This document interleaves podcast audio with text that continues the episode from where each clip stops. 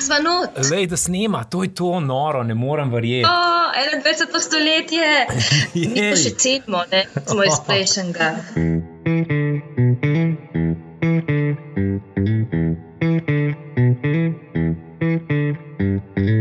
Živijo in en lep pozdrav v avtomatu, z vami sem David Urankar, na drugi strani pa blogerka, popotnica, TV voditeljica in še marsikaj, kar bomo izvedeli tudi tekom pogovora. Mojca Mavec, živijo. Ojoj, oj, vejta, vejta, vejta, koliko si nabral, vejt z leti, ne si Ja, ukazal.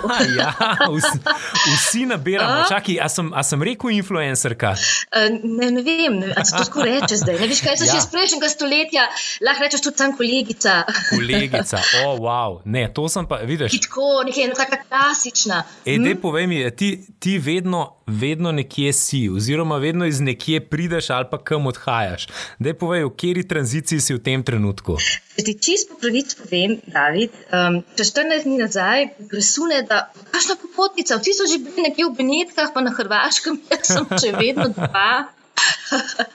ne, kaj poletje je moj najljubši čas in takrat sem res rada doma, največ uh, v Sloveniji.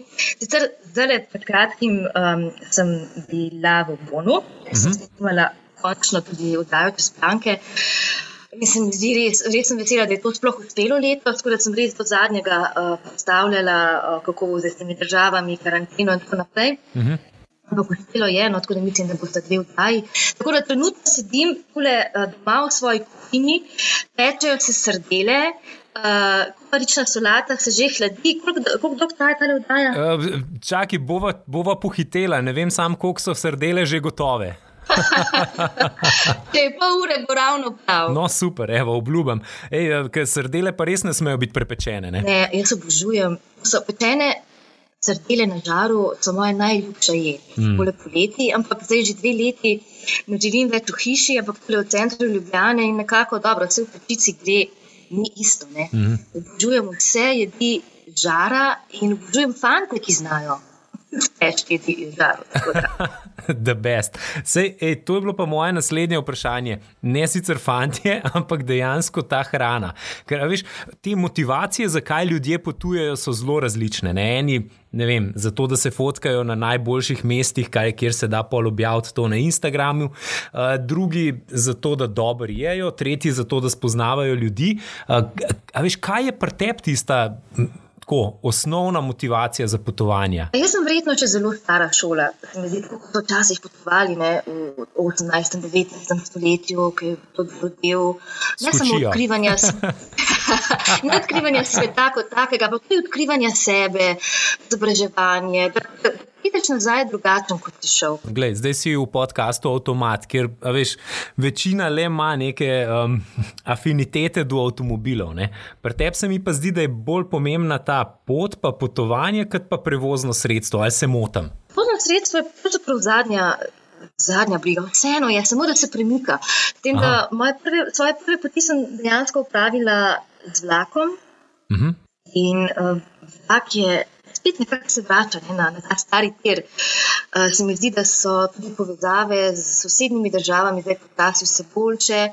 In tudi Nemčijo, recimo, zdaj sem uh, prepotovala z vlakom. Kaj pa je tvoje najljubše, tako še zdaj prevozno sredstvo? Ostaja vlak ali je kakšno letalo? Ma Leta, z letali smo se kar nekako razvadili v zadnjih letih, se ti ne zdi. Ne? To je že postal kot en mestni avtobus. Ne? Tudi cene so bile skoraj da že take. To je res, ja. Tako da ja, zaradi svojih poti sem veliko letela, ampak tam po Evropi najraje z javnimi sredstvi in tudi mislim, da je to za en tak čas, ne se ta eh, COVID je reset tudi morda potovanja, ne, način, načina, kako potujemo, vse te industrije, ki, ki je tudi šla verjetno korak daleč, zato smo tam, kjer smo. In, uh, morda je to tudi priložnost, da se na novo zastavi, da, da, se, da smo bolj zeleni, varčni, tudi ko govorimo o, o, o letenju. E, Naš ogličen odtis, ne? kakšna bo nova prihodnost oziroma nova realnost potovanj. Mal, mal se bo treba zamisliti, pa mogoče malo odkriti kakšno bližnjo lokacijo, ne? ne da vedno, ko imamo možnost, letimo na, drugo, na drug konc sveta. Jaz Mislim, da bolezni ne, te, nas ravno silijo v to, da odkrivamo mm. svojo okolico, da, uh, kot je rekel, da odkrivamo bližnje destinacije. se pravi, ja, ta bolezen gre kar nekako uh, v prak s časom, ne, kot smo si ga mm. nekako sami zamislili. Smo v zadnjih letih res veliko govorili o teh zelenih temah. Kot je rekel, ja, zmanjšamo oblični vtis tudi pri potovanjih. Mm. Poglej, ena se pa vidi, da to preci. Kako pa je zdaj na letalih? Je treba sedeti, ne vem, sta dva zica frej vmes, je več prostora. Veš ti, ki si zdaj bila po tej. Ja, na letalih je zdaj tako kot v službi, vse je odvisno od delavca, za koga delaš. Ne? Res, velike razlike. Ampak ja, načeloma velja, seveda, z masko, v cvet, mhm. za vse leta. Ja, potem, če se le da, da je sedež vmes prost, ampak ko ne, je veliko ljudi, ki dajo, seveda, več sedežev, se ne gleda mm. več na zdravje. Um, je pa res, neodvisno od ponudnika, smo tudi že izpolnjevali ankete, uh, ne, razna potrdila, nekateri ničesar ne zahtevajo, odvisno torej od države, kamor potuješ. Kaj pa je najbolj smešno ali pa prevozno sredstvo, ki ti je najbolj ostalo v spominu? Zdaj, veš, pri teh tvojih potovanjih zagotovo je bila kakšna anekdota ali pa kakšna rikša, ki je. Ja, zanimivo je, da prevozna sredstva po svetu so vedno dobra tema. Mhm. Ja, rikša, rikša je že ena taka stvar, uh, ki, brez katere nikamo ne prideš po indijskih mestih. Recimo, kakšne enotirne železnice. Uh, najbolj, mogoče najbolj nenavadno potovanje. Uh, z vlakom sem zagotovo doživela v Evropi, v Švici, uh -huh. uh, kjer je tudi najvišja železniška postaja v Evropi. In te z vlakom zapeljejo na uh, večino več kot 3000 metrov, se pravi, uprtaš se, uprtaš se lepo v mestu in te pelje na cilj, na vrh ledenika. Ampak Švica je, je že malo tudi Disneyland. No? Oni so res resnično pozidali in prodali svoje Alpe je absolutno turistična destinacija in sploh ni več tako pristno, se mi zdi, kot recimo pri nas doma. Vem, da je totalno nehvaležno, da te vprašam, ampak kaj pa tvoja najljubša destinacija oziroma tvoj najljubši kotiček? A veš, najprej v Sloveniji, pa pol mogoče tako na svetu. Kam najraje pobegneš za en vikend, pa kam greš najraje za en mesec? Joj, a veš, kaj je najtežje? V življenju se moraš tako odločiti. Zjutraj vstaneš, a zdaj kavo s sojnim mlekom, ali navadni, toliko vprašanj, toliko odločitev. Oh, ne maram tega vprašanja, ampak ja, veš. Pa se mi zdi, da vsako destinacijo, predvsem določajo ljudje. Uh, mm -hmm. Vedno najdeš nekaj ljudi, ki so ti podobni, ne kamorkoli greš po svetu. Ni važno, sever, jug, vzhod, zahod, eksotika. Vedno si z ljudmi, ki so, ki so nekako. Oj, ki, so, to je res. Ja. Ne, ki se radi smejijo, so pozitivni, ne, imajo nek tako kot ti. Um, se že moramo odločiti o um, destinacijah kot takih. Uh, všeč mi je pista, divja narava, všeč mi je sever. Uh, zdaj se mi zdi, da postajam vse bolj severnjakinja, da, da, da me vleče tja gor. Ne, te, uh, v krajine, ki ni nobene planke. Ja, veš, se mi zdi, nas kamorkoli pogledaš, je neka ograja, ne hitro. Ali pa ja, pozor, ja. hud pes, pozor, hud pes, ali pa je spet nekaj prepovedano, ali pa že takoj vstopnina. Uh, Navdušila me je recimo Grenlandija, uh -huh. tudi Islandija, ki je mogoče malo bližja, ne? ampak uh -huh. v Islandiji ni prepreke, tam je vse odprto, parki, sam lahko splezaš gor na slab, ampak si seveda za to odgovoren, ne? ni tako kot pri nas, ja, ja. jim vse zagradijo in, in posod varnost in tako naprej. Ljudje so morda odgovornejši, pa tudi odgovornejši ši, uh, v narave. Če uh -huh. recimo Finska. Um, njihove, njihove jezera, gozdovi. Ljudje, no, finti se mi zdijo ne tako posvečena mešanica ptaštva. Um, odnosa do narave, tako da so po svoje res en tak meni zelo ljub uh, narod, ki ne govori veliko. Ne, oni so zelo zanimivi. Ja, ne nakladajo, več kot se mi zdi z leti, jo, se kar vrstijo nakladači v tvojem življenju. Finska me pa, ko človek spregovori, Že res nekaj pomembnega, ne? nekaj, kar res lahko citiraš ali pa daš v naslov. Veš kaj, to se mi zdi, da je ta uh, hladna klima, ne? kjer moš paziti, koliko energije porabiš, pa pol tisto, kar imaš zapovedati, je res skrčen. Na... Veš, kako premisliš, veš, kaj rekel. Za nekaj časa je to veljalo, da Finčija nasploh ni imela prihodnega časa, da so ga tako sestavljali, recimo, kot Angliji. Ja. Uh, ker enostavno ni bilo, kdo bo pa razmišljal za pet dni naprej, danes je treba preživeti. Jaz sem imel priložnost biti uh, uh, na rejli tečaju. Na finskem, mm. veš, tam spucajo um, tiste njihove jezera uh, in naredijo mm -hmm. gor rejli stezo, in pol z gumami, kjer so špičke gor, pač tam dirkaš, te odnaša. In... Ja, vidiš ti na kolesih. Uh, jaz pa raj peč. Na finskem sem bila na tekmovanju v nošenju žena. Si da ja. slišal to, si videl kakšne posnetke, čisto eksotično. In si dobila kakšnega strongmana, ki te je nesel? Uh, imela sem hudo konkurenco, jo ne bom pozabila, bilo tako zabavno. Namreč stonci v zadnjih letih res um, zmagujejo, ne, tudi na fizičnem tem tekmovanju. Da so jim že začeli dajati kamne v, v hrbtnik. Ker so enostavno prelahki, so malo spremenili zdaj pravila, koliko mora biti ženska težka. Ne, tako da moraš imeti vsaj, mislim, da zdaj na zadnje 50 kg, 45 kg. Tako da je potem so estonke dobile kamne v, v rukzak, pri meni to ni bilo treba. Ampak smo imeli pa hudo konkurenco. Uh, Irka je prišla zmagati z ministrom fitnesa Irske. Uh. Je bil silno uh. razvit zgoraj, ampak pri nogah pa ni šlo. Johnny, bravo. tako da, ja, bravo. tako da je bila res ena taka nepozabna izkušnja. No, ne vem, to je takšen finski humor. Oni imajo res verjetno najbolj nenavadne tekmovanja na svetu. A veš, pa se to je tudi mobilnost, no, ne? da ne seš ženo. In džentlmensko, če gledamo zdaj malo na, na old school. to so zdaj te zelene teme. Ja, ja zelo zelene. Um, Drugače, malo sem scrollu po tvojem Instagramu, fotka, ki mi je padla v oči, ta prva je bila uh, z oldtimerjem, Porschejem, kabrijem po krasu. Če bi mogel izpostaviti eno stvar, kaj narediti po Sloveniji, je to definitivno to. Ja, se, Slovenci smo kar ljubitelji, ne oldtimerjev, ta vedno znova presenečena. Ja. In se mi zdi, da recimo, zelo mi je bila všeč um, ideja, ki. Uh, So jo naredili v Opatiji. Opatija se mhm. res trži v zadnjih letih kot mesto nostalgije. Aha iz več eh, različnih obdobij. Drugim so tudi angažirali prav ljubitelje in lastnike oldtimerjev. Zakaj ne bi tudi na krasu, ja. recimo, naredili na tako središče, vse slovenci? Ne, ne, z jugo, jugo ne, na vse zadnje. Jaz sem lahko na jugu reliju, tudi se spomnim Idrija. Pa ja. to noro, Idrija ima take zaklade v svojih garažah, uh, stare jugotepe, frizirane, kovalna imena, to ne bom nikoli pozabila. In kako ste se odrezali na reliju? Jaz sem samo navijala. ja, ok, ne, sem mislil, da si, eh, mislim, ampak. Siguren si pa že sedela v kakšnem reili avtomobilu, pa vsaj kot so voznica, ali še ne? Ne, nisem, nisem. Sej avto ni ravno moja najmočnejša točka, uh, sem raje so voznica kot voznica. Sej si lepo napeljala na, zdaj na tole tematiko, ker sem te ravno želel vprašati, kako si kaj z avtomobili, oziroma si kdaj imela kakšen avto, ki si pa rekla, ok, to bi bil pa res avto za me. To je pa v enem trenutku bi pa jaz to imela. Kaj jaz vem, jaz sem tako stara duša. Meni je zelo recimo, všeč uh, biljeta. Ne?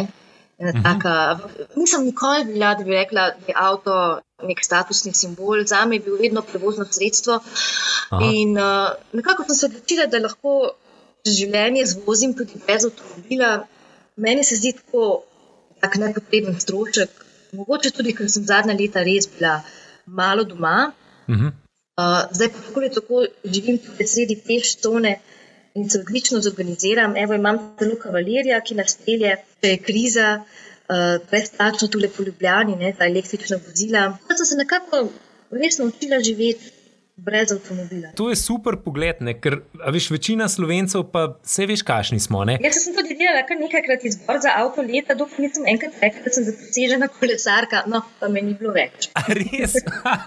res, res. oh, oh, ne moreš verjeti. To si nič čez avtomobilsko industrijo. Ampak, ne, eh, bo, bova odrezala vse ven. Kdaj lahko pričakujemo nove čezplanke, zdaj si rekla, da si ravno prišla domov in da so že posneti, oziroma da nekaj materijala je? Prvo in drugo nedeljo, v septembru, nova serija čezplanke.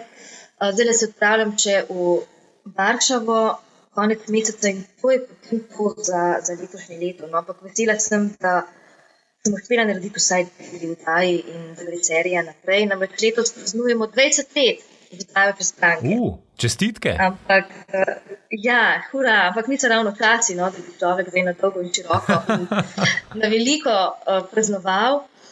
Ampak se mi zdi vseeno, no, ena, ena lepa, lepa obletnica, ustvarjamo v času, ko se stvari hitro spreminjajo, mm -hmm. se ljudje hitro naveličajo, ko, ko daje prihajajo hitro ne, in grejo iz ekrana. Ja, zdaj pa pri internetu, se pravi YouTubu in vseh socialnih omrežjih, pa pri vseh 235 kanalih, ki jih imaš na televiziji, ne, te pa hitro lahko spregledajo, kakorkoli delaš. Ne. Ja, sem, sem zelo, res so mi fascinantni vsi ti novi mediji in ljudi včasih škoda, ker tudi recimo, naša televizijska hiša mm. še ni zares usvojila in tudi, da včasih sploh ne razmišljamo za naprej. Ne.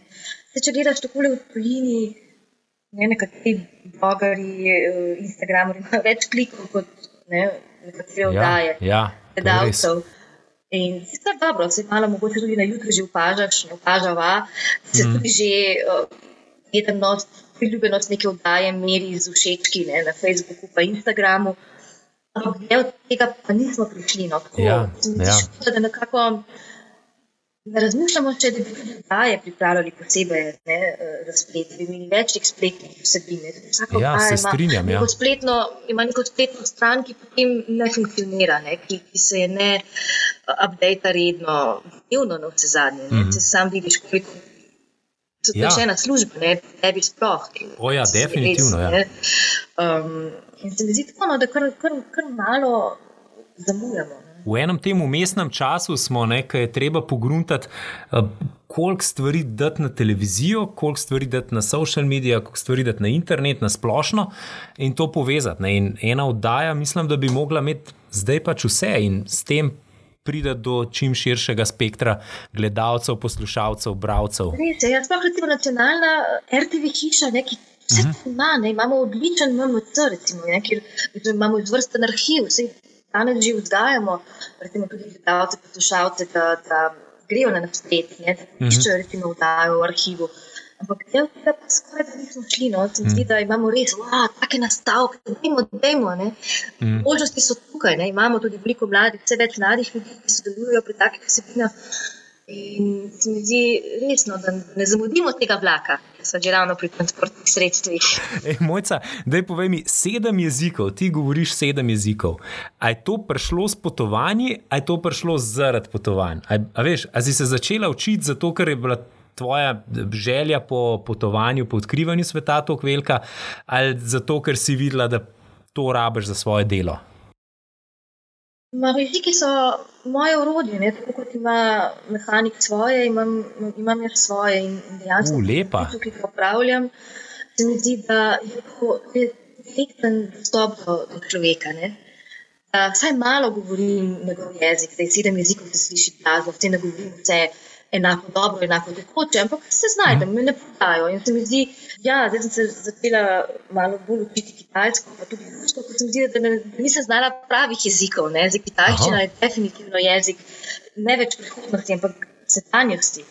In um, ja, drugi investirajo spet. V drage avtomobile, učenje, učenje jezika, in se mi zdi, da je to ena dobra vaja za možgane. Tudi potem, ko, se, si starejši, ne, vedno mi je žal, ker rečejo, da ja, sem že prestar, da bi se učil angliško. Pa ni res, to je najboljša mm. vaja za male sive celice. Ne, so asociacije, je memoriranje, je veliko boljše kot recimo nekaj sodokolje pa križem.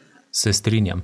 Dej povej mi, koliko težko je ostati resen na odru, ko se nekdo lomi v tujem jeziku. Niti treba odgovoriti. Hvala. Vse smo profesionalci. Ne? Meni se zdi, da vsak, ki si govori, uh, res. Važno je, da začnemo govoriti. Ljudje smo res včasih preveč perfekcionisti in, in mm -hmm. premo usta šele, neko smo pripričani, da res to stotno znamo. Tudi sama, ne, veliko krat, mislim, moja francoščina ni ravno ulala. Ne.